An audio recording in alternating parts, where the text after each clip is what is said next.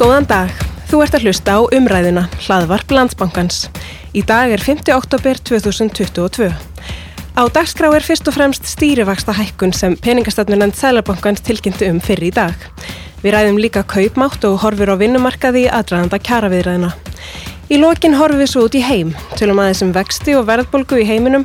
og kannski lokin hvernig nýtt fjárlagafrumvarp nýs fósættisráð þær í Breitlandi setti allt á hliðina þar í landi. Ég heiti Hildur Margret Jóhannsdóttir og er hagfræðingur á Hagfræðideild Landsbankans. Með mér hér eru kollegar mínir á Hagfræðideildinni, Ari Skúlason og Gustaf Stengrimsson. Landsbankin er fjármálafyrirtæki sem lítur eftirliti fjármála eftirlitsins. Nánari upplýsingar og lagalegan fyrirvara má finna á landsbankin.is umræðan hlaðvarp.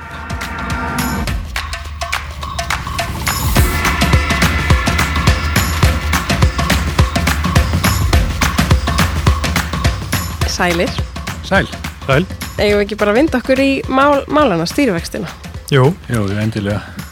Peningastefni nefnd Sælabankans tilkynnti í morgunum 0,25% stiga hækkun stýrivexta. Þeir standa nú í 5,75% og hafa verið hækkaðir nýju sinnum síðan í mæi á síðast ári. Þá hafðu þeir verið í lámarki 0,75% frá því í november árið áður. Ásverðbólgan mæltist í síðustu viku 9,3% og hafði þá dreyjist saman annan mánuðin í röð. Við teljum nokkuð ljóst að verðbólgan hafi náð hámarki í júli og við búumst við að hún haldi áfram að hjaðina á næstu mánuðum. Sælabankin er sammála þeirri spá og í morgun ótti skilja á Sælabankastjóra að hann hefði þó nokkra trú á að það þyrti ekki að hækka vextina meira, ekki satt Gustaf? Jú, það var eiginlega bara mjög skýrt og bara óvinni skýrt fannst mér að hvaðan talaði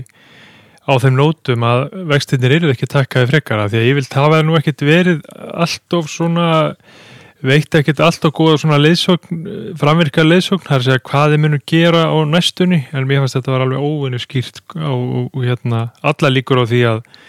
að vextinni verður þau ekki hækkar frekar í, í þessu hækkunarferli. Einmitt. Og sko hann talaði um að það ætti þá í raunin að vera sennilega hægt að ná niður verðbólgunni við þetta vextasti sem er núna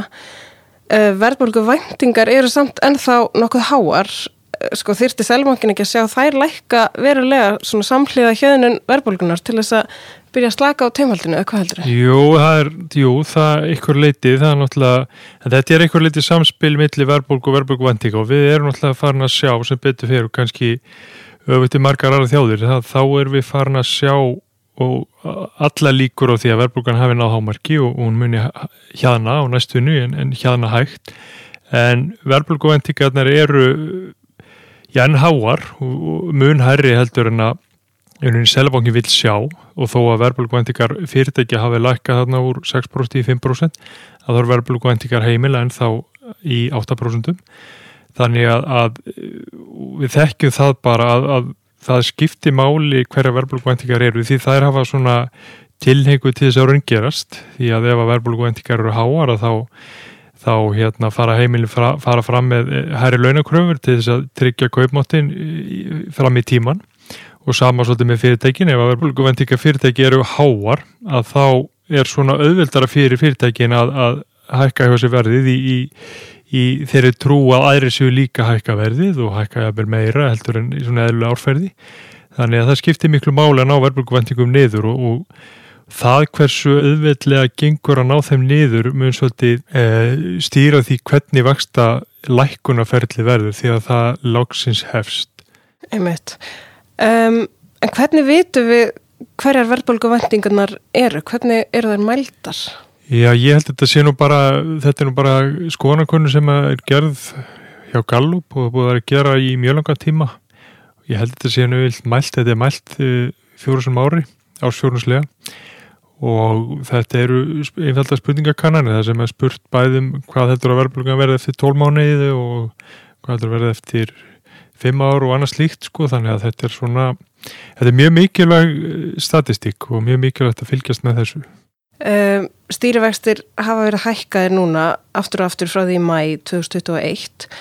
og loksins er ásverðbólgan farin að hjaðina. Hvort sem vextastíð hefur náð hámarki núna eða ekki er aldrei erfitt að segja til um það hversu lengið helst svona hátt, hvenar er hægt að fara slaka á. Hvað heldur þau? Ég held allavega, sko, það er náttúrulega mikil óviss að vanandi kjara samningsverðarnar og það er nú kannski svona stærsti óvissu þátturinn í þessu öllu saman. Hvernig um hvað verður samið í næstu kjærasamningum og ég held einhvern veginn ef við gefum okkur það að vextinnir séu komnir í hámark að þá held ég að Sælabankin muni nú ekki e, sagt, byrja á vaksta lækkunarferlinu fyrir en, en sé orðið nokkurn veginn ljóst um hvað semst í næstu kjærasamningum þannig að við erum að tala um það að, að væntalega verða þá vextinnir í þessu þessum 5,75% sem að þeir eru komnir í núna. Væntalega verða þeir þar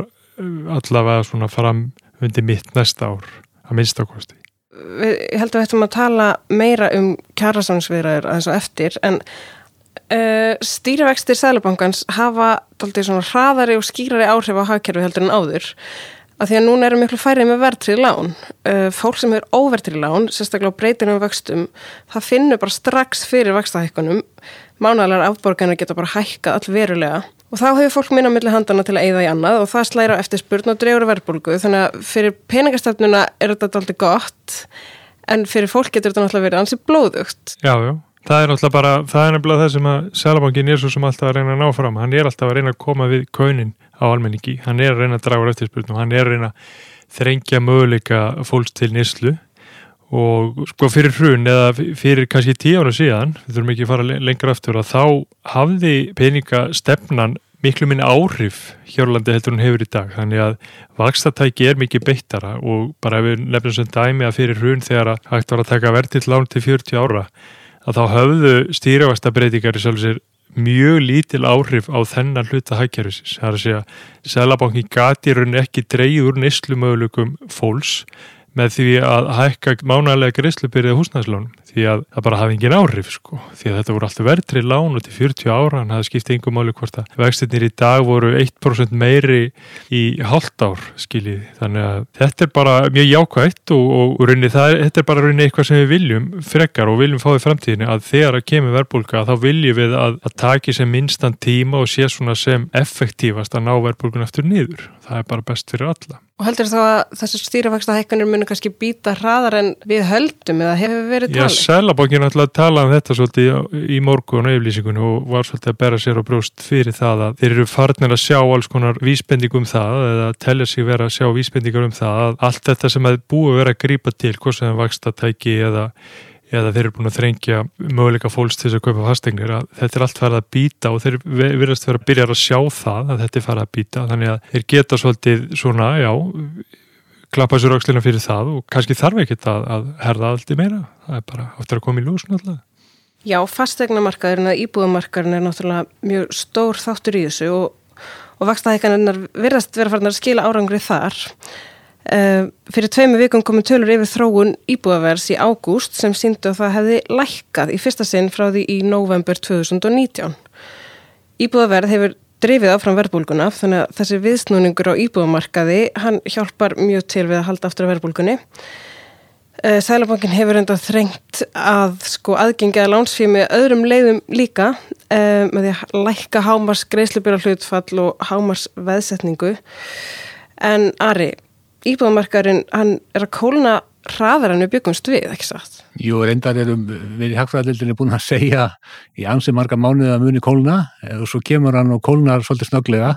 það gerði það reyndar síðast þegar kólnaði, þá gerði þetta mjög snögglega. Það var í mæ 2018 minni mig. Þá allt í hennu lekkaði verðið og leit út, þá leitað út eins og fólk nefndi ekki lengur að vera elda þessa síðustu íbúð sem það held að vera á markanum og allir búin að fara nópara og svo datt það. Og kannski verður það að sveipa núna að, að, að þetta detti niður. En við erum í raun og veru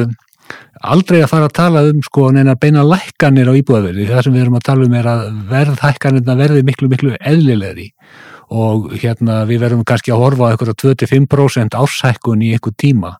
við erum líka að horfa svolítið fram á það að frambóðið kemur til með að aukast mjög mikið og það getur líka vel verið að við munum sjá einhver tíman eins og til dæmis í byrjun ásins 2024 að komi mjög mikið magnam húsnæði inn á markaðan á sama tíma eins og við vorum að sjá stundum hér á síðasta uppgangstíma. Þannig að það komi svona frambóðsnikkur sem að gæti þá haft tímabundið einhver áhrif á verð. Við náttúrulega vissum það hérna áður en að vextinni lækkuðu á sínum tíma það fullt af óseldu húsnæði sem að leita ekkit út fyrir að yrði selt á næstu uh, misserum í raun og veru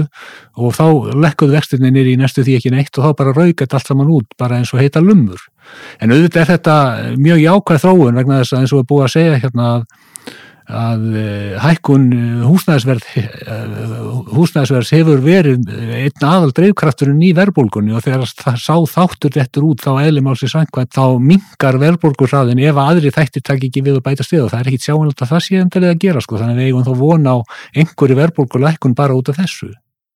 En fólk spyr sér þá kannski af hverju lækkar íbúið að vera ekki, af hverju lækkar íbúið að vera næstum því aldrei? Já það er eiginlega bara, hefur alltaf verið þannig á Íslandi að, að lækkanir á íbúðaverði hafa verið vegna verðbólgu. Verðbólgan verið mikil og íbúðaverð stendur í stað. Og það er einhvern veginn þannig að fyrir okkur Íslandingum sem hefum lengi verið þeirri stöðu sko að íbúðin eða húsið er stærsta eignin okkar. Við kaupum á einhverju nafnverði og það vill enginn selja á lægra verði heldur en að kifti. Það er bara einhvern veginn innbyggt og ég held að það sé svolítið stór faktor í þessu sko fyrir utan alla aðra faktora sem getur skipt máli. Sko. Um, já, verðbólgan hefur aukist hraðar heldur en laun hafa hækkað og við það hefur kaupmáttur aukist hægar og nú er hreinlega að fara að draga úr honum. Í júni á þessu ári laug 11 ára samfældri kaupmáttar aukningu ef við horfum á breytingar millir ára og frá því í janúar hefur kaupmáttur írnað um 4,2%. Ari, viltu kannski fara aðeins yfir það bara hvað þetta þýðir fyrir almenning? Kaupmáttur á rýrna og ákveðin hópa að finna líka ansið hræsilega fyrir vakstahækkunum, ekki sett? Já, þetta er náttúrulega eh, staða sem að er sem við erum að lendi í núna er svolítið eh, óþekkt fyrir marga vegna þess að svo langt síðan við verðum í svona ástandi með uh, mikla verðbólgu og verðið er að hækka miklu meira heldur en launin. Við erum búin að vera eins og þú sagðir í hvað 12 ára samfelldu tímabili kaupmáttar aukningar. Og það er búið núna í bíli og verður allavega þanga til að kjærasanninga vera gerðir. Og þetta náttúrulega er, er högg fyrir heimilin og, og, hérna sérstaklega fyrir þau heimili sem ekki eru í skjóli með e, fasta vexti og svo framvegis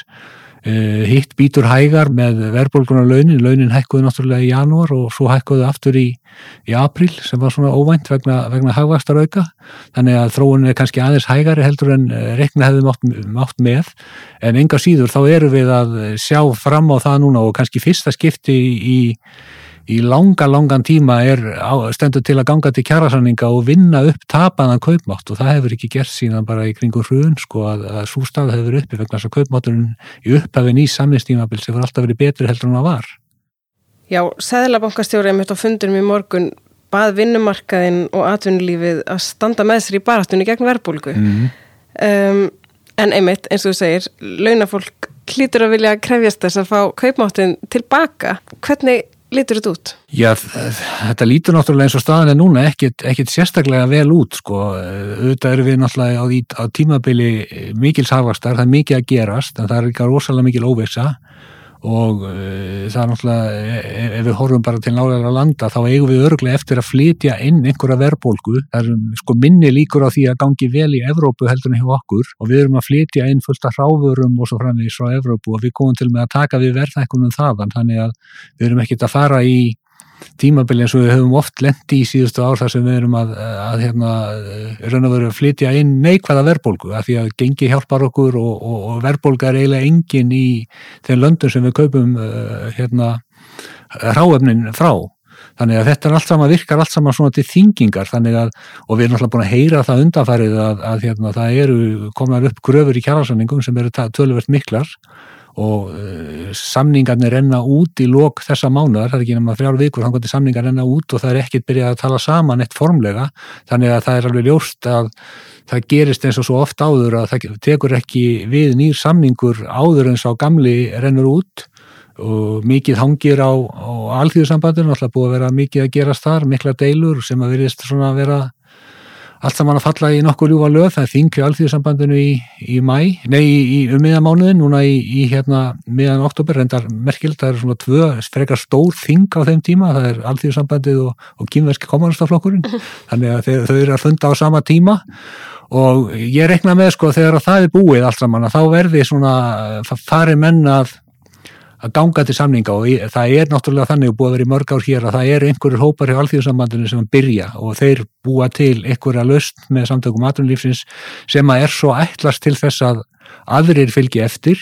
Síðast var það þannig að það fari krónduleið eh, leið til þess að reyna að hækka legstu laun meira heldur en eh, hæstu laun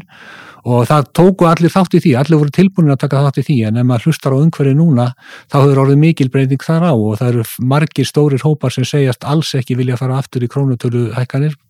fyrir ykkar prósundubreitingar og ég ímynda mér að, að hérna, það verður þannig núna einhverju hópar en alþjóðsamband sem semji með einhverjum hætti og en aðrir hópar semji kannski með allt allt öðrum hætti og kannski ekkert alveg beint í kjölfarið eins og verið hefur og kannski samlýðað um eitthvað allt allt annað. Ég hugsa að maður tekur svona svolítið gróft orðfæri að það muni ganga verð að reka hópa í réttirnar eh, núna heldur en gerðist síðast. Já og heldur að stjórnvölda ég eftir að stíga eitthvað inni til að aðstofa? Sko það er náttúrulega eina, eina stóru spurningunum sko, það er náttúrulega augljós krafa frá uh, og rattir, sterkar rattir innan alþjóðsambansin sem heimta að, að stjórnvald komið með frá fyrsta degi. Samtöng aðunlífsins segja bara nei, við þurfum fyrst að gera kjærasanning og svo getur vel verið að stjórnvald komi. Og ég ímynda mér að stjórnvald séu kannski svona frekar sammála aðunlífsleikandu við því sambandi vegna þess að stjórnvald hafa komið kannski uh, verulega mikið inn í kjærasanninga síðustu tvo allavega með alls konar lofórðum og skuldbindingum og svo eh, eiginlega helstu deilurnar vegna þess að kaupmáttarmarkmiðin í kjærasangnum sjálfum hafa alltaf gengið upp upp á síkastið. Deilurnar hafa snúist um það hvort að stjórnvöld hafa staðið við það, þetta eða hitt og, og, og hérna ég held að sé stjórnvöld hugsin sem svo að það er ekki þægilegt að vera alltaf í svoleiði stöðu og viljið frekar halda sér til lés ef þau geta það mögulega. Ef við horfum aðeins út í heim þá er það ekki bara á Íslandi sem stýrvextir hafa verið hækkaðir á síðustu mánuðum. Ég las það einhverstaðar í gæra fyrir hvert sælabanka í heiminum sem var að lækka stýrivexti þessa dagana mætti finna 25 sælabanka sem var að hækka þá og að hlutfallið þarna milli hefði ekki verið nálagt þessu síðan eitt um að senda á tíunda áratögnum. Og, og sælabankastjórar, hvort sem það hér eða í Breitlandi, Bandaríkanum eða Svíþjóð, eru mjög ómyrkir í máli um að það sé algjörst forgangsatrið að vinna bug á verbulgunni. En svo er einhverja hagfræðingar hjá IMF og World Bank farnir að hafa ágráði að sælubankar séu að ganga of langt í stýrvægstahækkunum og við fáum þetta bara allt í bakið með kreppu. Uh, hvað haldir þið? Er þetta bara það sem þarf að gera eða er kannski bara betra að að ganga of langt heldur en of stutt? Í einhverju leiti sko bara vandamálun alltaf með verðbólku er að hún, hún sko ef hún kemst á ákveði level að þá getur hún orðið svolítið stjórnleis og ef hún verður það og ef að verbulguvæntingarnar hækka og segjum bara verbulguvæntingar segjum bara verða áfram 10% verbulgu á næsta ári bara í heiminum og verbulguvæntingar fari bara upp í það að þá getur verið bara meira á þetta mál að ná verbulgun eftir niður. Því að það er líka þannig að þegar verbulgan kemst á flug þá voru hún miklu meira ódregnari þá er miklu meira líkar og hún fari bara upp í 20-30% þess vegna sko. Mm -hmm. skiljið en leið og hún er ef þetta er að ná henni niður og þá verður hún svona Já, þá verður hún þæg og, og óvissan verður miklu minni um hver hún verður fram á því. Þannig að það er mjög mikilvægt held ég að grýpa til vakstahækkan og reyna að herða aðaldið, en þetta er náttúrulega ákveðin línutans, að reyna að herða aðaldið nægilega mikið til þess að ná verðbölgu niður, án þess að skafa hækkerfi of mikið og keira þú of mikið niður. En enga síður held ég að þetta sé einhver liti óumflíjanlegt að það verði, jafnvel þó að þýði samdráttar næsta ári, þá held ég bara að margir selbankar eru þeirri stöðu að þeir, þeir hafa einhvern ekkert val, þeir bara verða að ná niður verðbólguvendingum og koma þessu svona aftur, koma þessum verðbólgu anda aftur inn í flöskuna. Og hann er að hérna ef við getum kannski prísa okkur svolítið sela með það að, að þetta hefur gengið mjög vel hérna á Íslandi að selabankin bæði greipan fljótt til þess að hann, hann greip miklu fyrr inn í heldur enn til þess bandarinski gerði og euróskiabi líka þannig að, að og verðbólgna byrja að ganga niður hérna á Íslandi sem, að, sem er ekki raunin erlendis og, og í mörgum Európaríkjum er, er líklegt að verðbólgna eftir að vaksa mun meira í vetur og verða herri heldur hún, þess að hún munir ná nýjum hámörgum þannig að hérna við getum svolítið prísa okkur sala með það að, að, að við erum kannski bara í nokkuð góður stöðu, við erum að, að ná utanum þetta, vextinnir hafa bratt vakstahækunarferli hérna heima og hafa gripið snemma inn í meðan að kannski bandaríski í Sælabankinu Erlski eru bara kominir á eftir kurfunni og geta bara lent þar af leiðandi í, í ennþá meira vandamulega þeir, þeir þurfið þá bara að hækka vextina meira heldur en þeir hefðu þurft að gera ef þeir hefðu gripið fyrir inn í og tekið verðbókuna meira alvarlegar. Ég held að sé, ég er sammála Gústaf þetta, ef maður horfir í baksinninspeilin þá held ég að, að Sælabankin megi bara vera svolítið montin sko, að hafa gert þetta svona eiginlega snögt og öruglega og við erum komin kannski á endapunkt. Það er reynda svolítið aðtiklisvert sem að eh, kom fram á, á morgun á fundinum í Sælabankanum það sem gerðist síðast sko, þá kom Sælabanki fram með mjög svarsýna verðbólgusbá og þá hækkuðu vextitunum 50 punta og það kom fram fyrir aðstofa Sælabankastjóra á fundinum í morgun að ef að ákvörðun hefði verið, eða fundurinn í nefndin hefði verið degið setna, þá hefði þetta kannski orðið svolítið öðruvísi. Og þá hefði kannski vaksta hækkunum verið minni þá og kannski meiri núna vegna þess að þarna voru upplýsingar að koma um uh, hérna uh, oljuverð og svo framvegi sem að breytti stöðunum svolítið sérstaklega. Og þannig að þessi sko verbolgu spás Sæðlabankan síðast er, er mjög merkileg og stendur svolítið út úr að því að hún var svo svakalega neikvað og eiginlega enginn sem tók undir hana sem að hefur síðan komið í ljósa, hún var bara kolvittlu sko.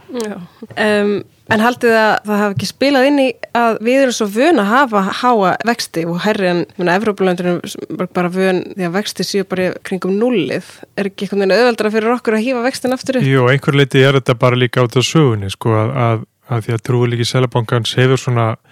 í gegnum ára tíina við erum alltaf verið að glíma með svo mikla verðbólgu meðan að verðbólga í Evropu og bandarækjum hefur verið miklu lægri þannig að þetta verið eins og mikla sveplur hérna. Þannig að vaksta á sko vaksta næmið hefur verið miklu meira erlendis þannig að hefur þurft minni vaksta breytingar erlendis til þess að hafa áhrif. En einhver leiti er við að komast á við erum að nálgast Evropu og bandarækjum hvað þetta verðar að, að vantala fyrir hrun hefðu hefðu ekki dugað að setja verðbólguna núna upp í nei hérna setja vextur upp í 5,75 við þurftum kannski fara með upp í 10% skiljið, þannig að þetta er, við erum alltaf að færast eins og við viljum hafa það að vextending geti verið læri að jafnaði til lengri tíma litið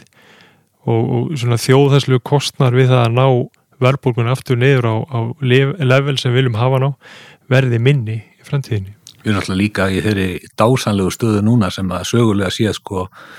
gengur valla upp sko, við erum með eina legstu verðbólgu í Evrópu mm -hmm. og við erum vöðum því gegnum áratugina sko að vera alltaf, alltaf langsalega hæst sko, en þetta er svona aðstæðu sem, að, sem eru töluvert mikið öðruvíseldur en við eigum að þekkja. Já, þessi, þessi samræmda vísitala sem er aðra að vísi að, sem að mælir unni verðbólgu án fastegnavers eða að segja að það voru að tala um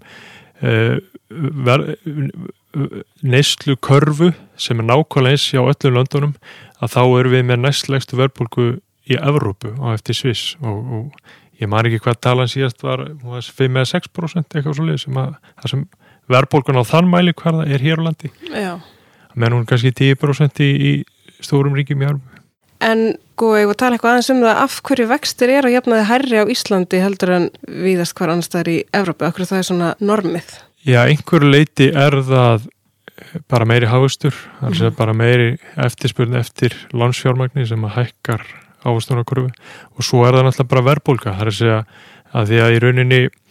vill hagkerfið eða fólk vill í rauninni á endanum viltu vita hvað þú færð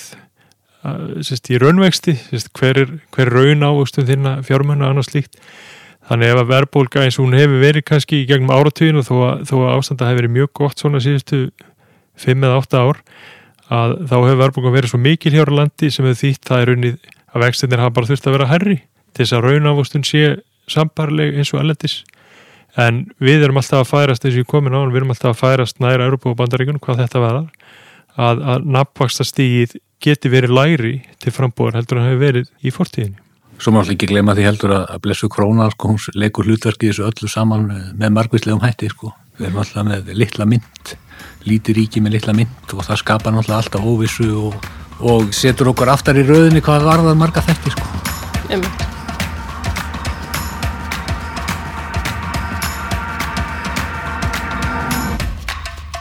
Efnaðarsmálinn í Breitlandi og talaði um þau sem hafa verið mikið í sviðsljósinu síðustu svona tvær vikunar mm. Nýr fjármálaráð þeirra Kwasi Kwarteng undir fórustu nýs fósætisráð þeirra Liz Truss kynnti nú í lók september auka fjárlagafrumvarps mini-budget eins og þau kallaða sem setti eiginlega bara efnahægin á hliðina yfir nótt. Í frumvarpinu fólst mesta skattalækun í 50 ár, skattalækanir sem átt að gagnast langmest þeim sem höfðu hæstu tekjurnar. Þetta var svo reyndar dreyið tilbaka um helgina ykkur leiti þau hættu við að afnema hæsta skattrepið en eftirstanda samt rosalega skattalækkanir. Um, plani var að fjármagna þetta með lánum og ríki var skuldugt fyrir. Markanum leist ekki á þetta og fríkaði þetta aldrei út. Pundi hrundi hefur aldrei verið jafn látt með við dollara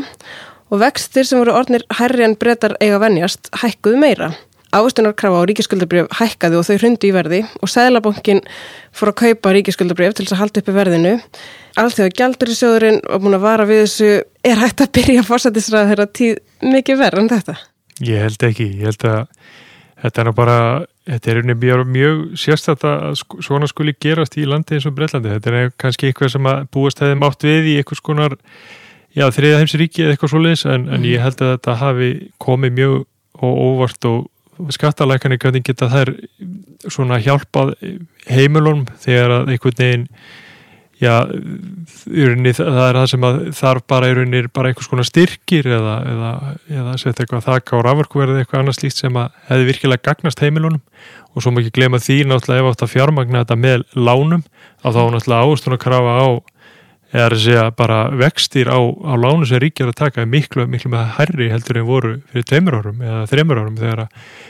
að hérna, verðbólku var lág mm. þannig að það er ekki eins og þetta hafi ekki sko átt að kosta neitt sko heldur, heldur hefur þetta bara kostað mjög mikið Það er stundum vísa til þess að þetta eru svona álíka aðgerir eða svipað aðgerir og Rónald Reagan fór í á sínum mhm. tíma í bandaríkjónum og mistókust algjörlega og tók eiginlega áratögi að komast út úr að rétta kursin þannig að, að spórin gáttur svo sem hrætt í því sambandi og það er líka svolítið merkilegt að allþjóða gældari sjóðurinn sko hérna uh, takið upp á því að skamma stórþjóður svo Breitland bara eins og smáböld sko. Og hérna en þannig að, að, að því leiti er þetta rétt að byrja sinn fórsættisraður á orðum, ekki gleyma sko fjármálaráður að þeir eru líka sko með, með þessum hætti, en náttúrulega algjörlega einstakt sko. En svo maður náttúrulega segja sem svo líka að þetta er mjög erfitt breytanir, því að þetta er, það er ekkit einfalt að ráða fram úr þessu, þetta er bara það er svo sem ekkit einföld svör við þessu eða auðveld, það er engin, það er engin lausn auðveld í þessu, þessu máli, hvernig bara ég bara hvernig verðbólgan mun, mun bara fara með bresk heimili í vetur að, með að við spára þá, þá verður þetta bara mjög erfitt og það verður mjög erfitt fyrir þá einhvern veginn að, að ná sér út úr þessu. Við náttúrulega óskum breskum heimilum allsins bestas og þau halda fram að ferðast hingað á tímum sem að aðrir ferðast minna hingað sko, þannig að það skiptir verulega máli fyrir okkur að, mm -hmm. að breytar geti komið standandi út úr, út úr þessu öllu saman sko og, og lendi ekki í, í miklu kaupmáttatabi heimila. Einmitt. Ef ekki bara segja þetta gott í byli. Jú. Takk fyrir þetta. Eh, næsti þáttu verður svo í kringum útgáfu þjóðhagsspáreinar um miðjan mánu. Takk fyrir. Já, takk svo mjög. Takk, takk.